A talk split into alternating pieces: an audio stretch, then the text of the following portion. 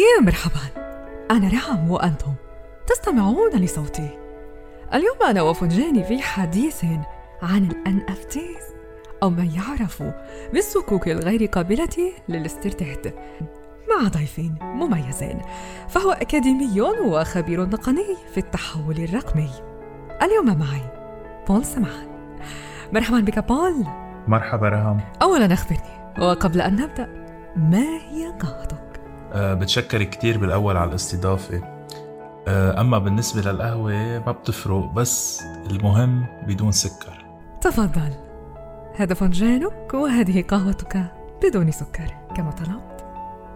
اليوم أنا وفنجاني كنا نتحدث عن أبجديات ال NFTs في ظل التجدد التقني والتطور الذي نشهده الآن مصطلحات رقمية لتقنيات قائمة على البلوك تشين التي أصبحت الشغل الشاغل للبعض ومنها هذه الرموز أو الأصول الغير قابلة للاسترجاع أو ما يعرف بال NFT أخبرنا عنها عن أبجدياتها التقنية القيمة وما هو سوقها وكل هذه التساؤلات التي قد يحملها المصطلح. خلينا نبلش نعرف ال NFT يلي هي اختصار ل non-fungible tokens أو بالعربي الأصول الغير قابلة للاستبدال وهي مبنية على تقنية البلوك تشين إذا بدنا نذكر هون العملات الرقمية مثل البيتكوين والإيثيريوم وغيرها كتير هي كمان مبنية على تقنية البلوك تشين بس الفرق بينها وبين ال NFT إنه العملات الرقمية ممكن استبدالها وعندها نفس القيمة. يعني البيتكوين بس استبدلها ببيتكوين عندها نفس القيمة. إنما هيدا الرموز أو ال NFT فلكل رمز عنده قيمة مختلفة وما بقدر استبدلهم. إذا بدنا نعطي أمثلة عن ال NFT شو ممكن تكون؟ فيها تكون رسم فيها تكون مقطع موسيقي فيها تكون فيديو بس على البلوك تشين هون خلينا آه نعطي كمان example ال NFT مع ال art ال NFT usually يسمى digital art إذا بدنا نعمل comparison بين ال digital art وال art يلي نحن بنعرفه لتوضح الفكرة أكثر لنا فينا نعطي example الموناليزا لوحة الموناليزا يلي هي بنعرف مين رسمها بنعرف قيمتها. بس حيلا شخص اليوم بيقدر يقلد الموناليزا ويعمل لوحة تقليد أكيد ما عندها نفس القيمة مثل اللوحة الأصلية. نفس الشي بالبلوك تشين هيدي الرموز منقدر من خلال تقنية البلوك تشين نعرف مين الفنان أو مين ال artist أو مين المالك الأساسي تبع هيدا الرمز. مثل ما قلت إذا كان رسم أو مقطع موسيقي أو حتى فيديو. والمالك الأساسي هو كمان عم يعطي قيمة لهالرمز. وكرمال هيك نحن بنلاقي إنه المشاهير بس يكون عندهم NFT باسمهم بيعطوها قيمة أكتر. لأنه بنعرف إنه هيدا الرمز هو ل هيدي الشخصية. خليني أذكر هون مثلا Gary Vee يلي هو أحد الشخصيات المشهورة عنده ال NFT لإله ومسميها VeeFriends NFT نذكر مثلا إنه زوجة الرئيس الأمريكي السابق دونالد ترامب كمان آه عملت NFT خاص لإلها. so, هول الشخصيات هن آه بيقدروا يعطوا كايند kind اوف خلينا نقول قيمة لل NFT تبعهم لأنه البلوك تشين بأكد إنه هن المالكين الأساسية لإلها هلأ بالنسبة لقيمة ال NFT أكيد تتأثر بالعرض والطلب.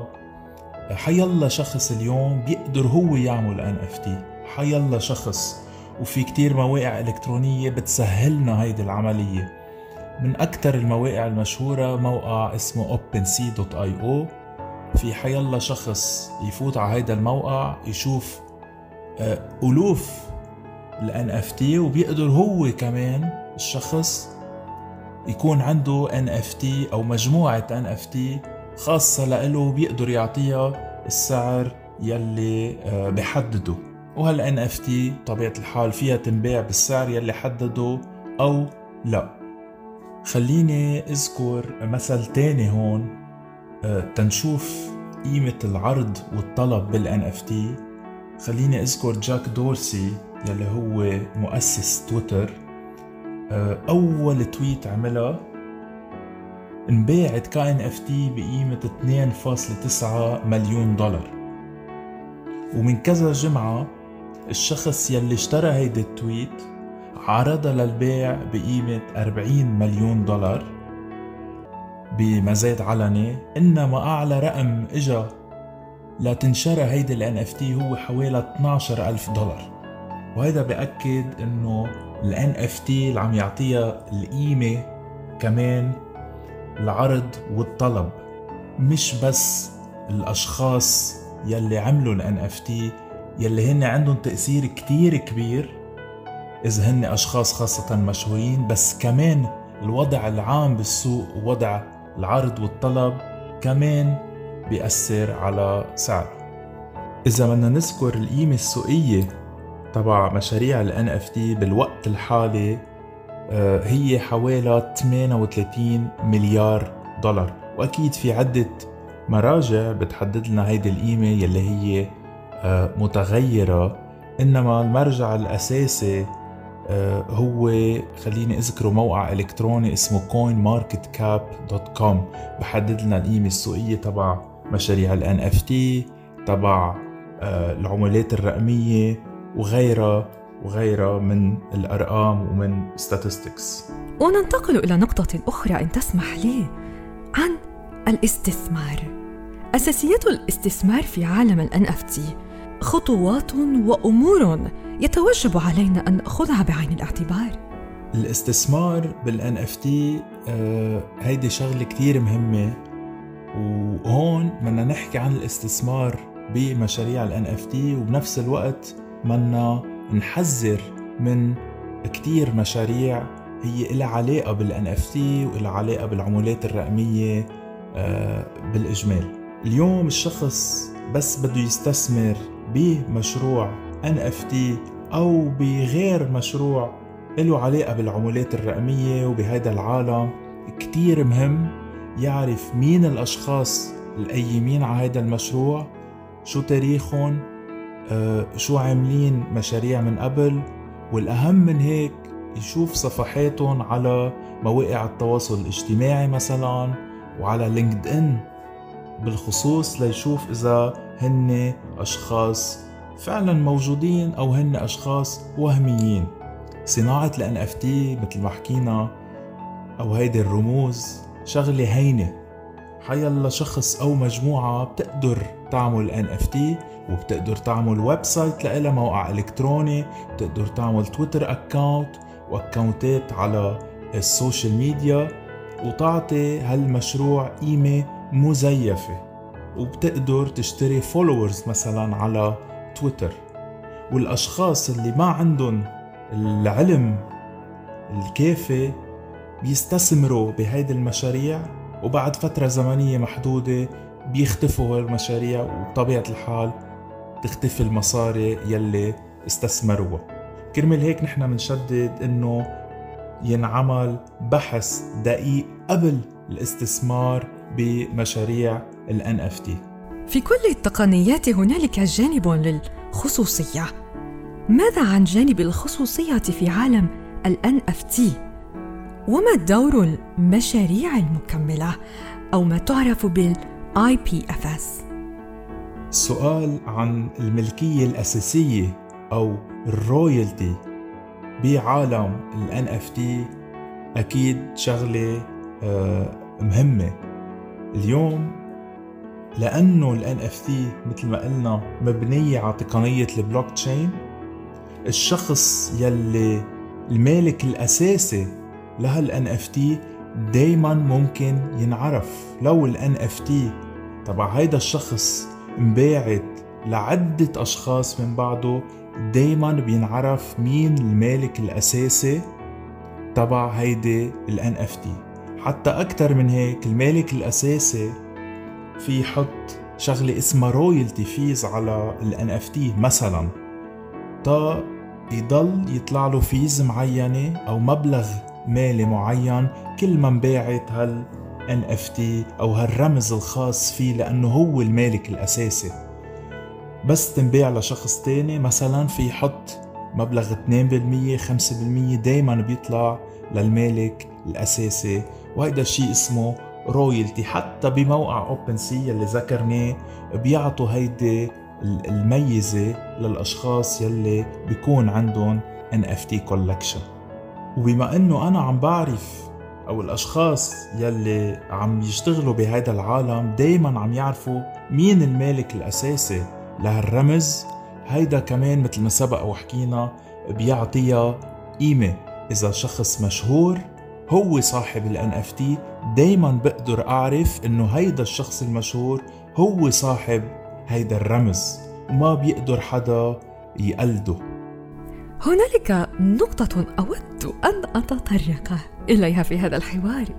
ألا وهي الثقافة التقنية.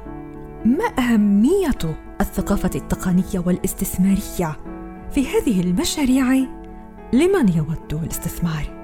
سؤال كرام بالنسبة للثقافة التقنية مهم جدا لأنه كل هالرموز ل NFT وخليني أجملها مع العملات الرقمية أنا مسؤول عن التعامل فيها وأنا مسؤول عن كل هيدي الرموز وبحفظها إجمالا بمحفظة إلكترونية أو والت اسمها ميتا ماسك من أهم المحافظ يلي بقدر أحفظ فيها العملات الرقمية وهيدي الرموز الغير قابلة للاستبدال. so إذا ما عندي الثقافة التقنية اللازمة ممكن أخسر هيدي الرموز وممكن أخسر العملات الرقمية. مثلا ممكن آه، آه، اللابتوب تبعي يتعرض لسرقة آه، ل hacking أو ممكن شخص يسرق لي الموبايل تبعي ويحول هيدي الرموز من محفظتي لمحفظته بلا ما أنا أعرف. إذا مني عامل الحماية اللازمة وما عندي الثقافة التقنية اللازمة لا إحمي هيدي الرموز وإحمي هالعملات الرقمية. ليه عم بجمل الرموز أو ال NFT مع العملات الرقمية؟ لأن بطبيعة الحال بس بدي أشتري NFT أو بس بدي بيع بدي أتعامل بالعملات الرقمية لاقدر أشتري وبيع مثل إيثيريوم مثل بوليغون مثل سولانا. سو هن موجودين. بنفس المحفظة وأنا مسؤول عنهم وأنا مسؤول عن حمايتهم وننتقل إلى الشباب المندفعين إلى عالم ال NFTs ولمن يود الخوض في غمار هذا المجال بأكاديمية وممارسة؟ ماذا تقول؟ بالنسبة لجيل الشباب وأكيد للأشخاص يلي هن بغمار هيدا المجال أه بقول لهم إنه هيدي التقنية أو هيدي التقنيات آه، العملات الرقمية ال metaverse ال web 3 ال NFT هيدي كلها تكنولوجيا وتقنيات رح تتطور ونحن ما فينا نوقف التطور وما فينا نوقف التكنولوجيا. أكيد بدنا نتماشى مع التطور وبده يكون عنا العلم والدراية الكافية لا نقدر كمان نحن نتطور ونتماشى مع هالتقنيات. وكمان بطلب من الأشخاص يلي بيكون عندهم هالعلم وهالثقافة وعم يتعلموا هيدي التقنيات كمان من واجباتهم ينقلوا هيدا العلم لغير أشخاص. خلينا نزيد المعرفة بين بعضنا تا نقدر نتعامل بطريقة أسهل مع هيدي التقنيات. تصورك لمستقبل الاقتصاد في هذا المجال؟ في عالمنا العربي. ولك كلمة أخيرة عبر هذا الأثير. كلمتي الأخيرة هي آه، رسالة وهي نوع من توعية. لكل الأشخاص يلي عم يستثمروا بالعملات الرقمية وبالرموز الغير قابلة للاستبدال NFT وبهيدا العالم بدي أطلب منهم ينتبهوا كتير وبدي أطلب منهم ما يستثمروا ويدفعوا الأموال على مشاريع ممكن تكون وهمية. مثل ما سبق وذكرنا لازم يتأكدوا مين أصحاب المشاريع وكمان هول الأشخاص ما لازم يتاخدوا بالمؤثرين على مواقع التواصل أو ال influencers لأنه في بعض ال influencers على مواقع التواصل الاجتماعي بيندفع لهم مصاري لا يحكوا عن مشاريع وهيدي المشاريع ممكن تكون وهمية. سو so, الأشخاص بدهم ينتبهوا كتير منيح. وشغلة تانية ورسالة تانية كمان أهم المشاريع يلي بتكون too good to be true. آه بالعربي يعني مشاريع آه ممتازة وبتعطي ربح ومدخول كتير كبير.